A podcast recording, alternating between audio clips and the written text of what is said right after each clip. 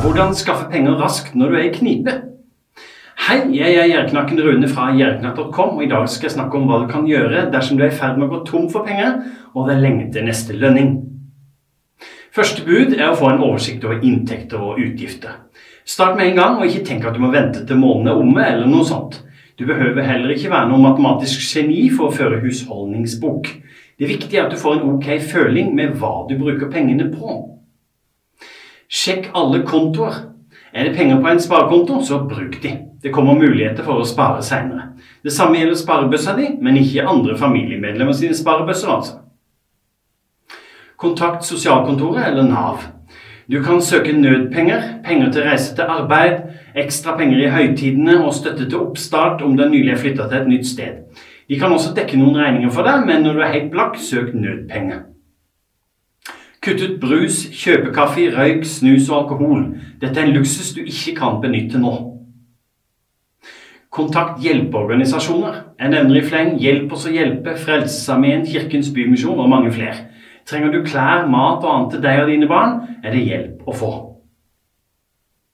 Rydd og selv. Jeg sier det igjen, de fleste norske hjem er fylt til randen med for mange ting. Og disse tinga er verdt penger. Sjekk i skap, skuffer, boder og loft. Alle har noe de kan selge.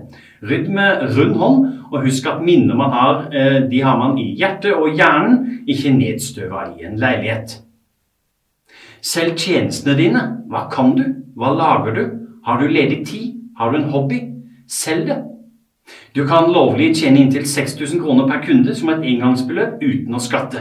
Dvs. Si at du kan måke, synge, bake, sylte, rake, handle for andre, vaske, bære, lage mat til fester, tegne, male, male hus osv. For ganske mange penger så lenge ikke du går over 6000 kroner. Svelg stoltheten, spør om hjelp. Spør venner og familie om å kunne låne litt penger, men skriv det ned og vær nøye med å betale tilbake. Du vil ikke være den kjipe som lurer sine nærmeste. Selv bilen, båten, hytta, motorsykkelen. Ja, det suger å selge unna en kjær skatt, men fokuser på hva som er viktigst. En gjenstand som koster penger, eller å spise og klare seg. Betal de viktigste regningene, og vent litt med de andre. Sørg for å dekke opp hus, strøm, telefon og barnehage, og send mail med utsettelse til de andre. Ha en dialog med de, da er de ikke så hissige. Ops, regninger til staten bør du prioritere å betale. Disse er nemlig de raskeste til å gå til inkasso.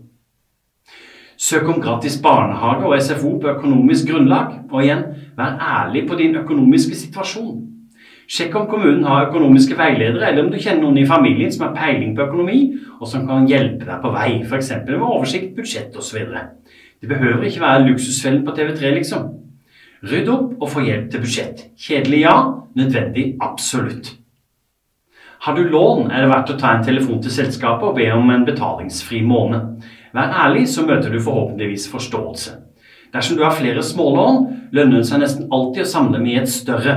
Sjekk om du kan belåne huset osv. for å komme over kneika. Sjekk Trumf og Coop-kontoen.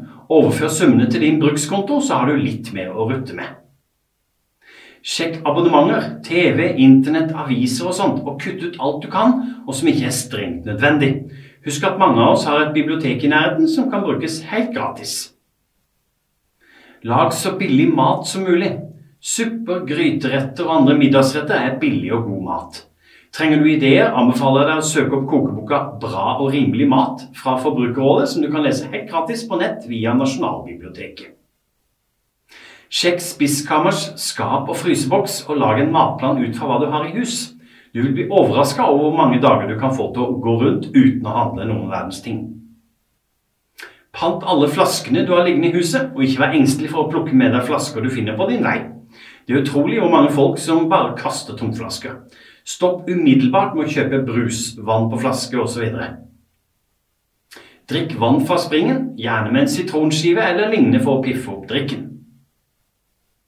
Spør i nærbutikken din om det er mulig å få f.eks. brød og bakevarer gratis eller så rimelig som mulig rett før stengetid. Slutt å handle mat i dyre butikker. Velg billigkjedene og ikke minst egenmerkene.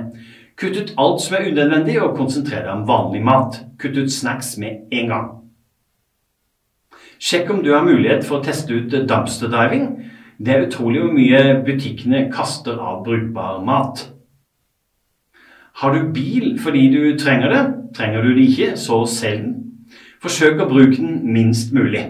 Stå heller opp litt tidligere om morgenen dersom du trenger lengre tid for å komme på jobb eller til skolen. Har du kjæledyr i huset, bør du nok tenke igjennom om dette er en utgift du kan bære.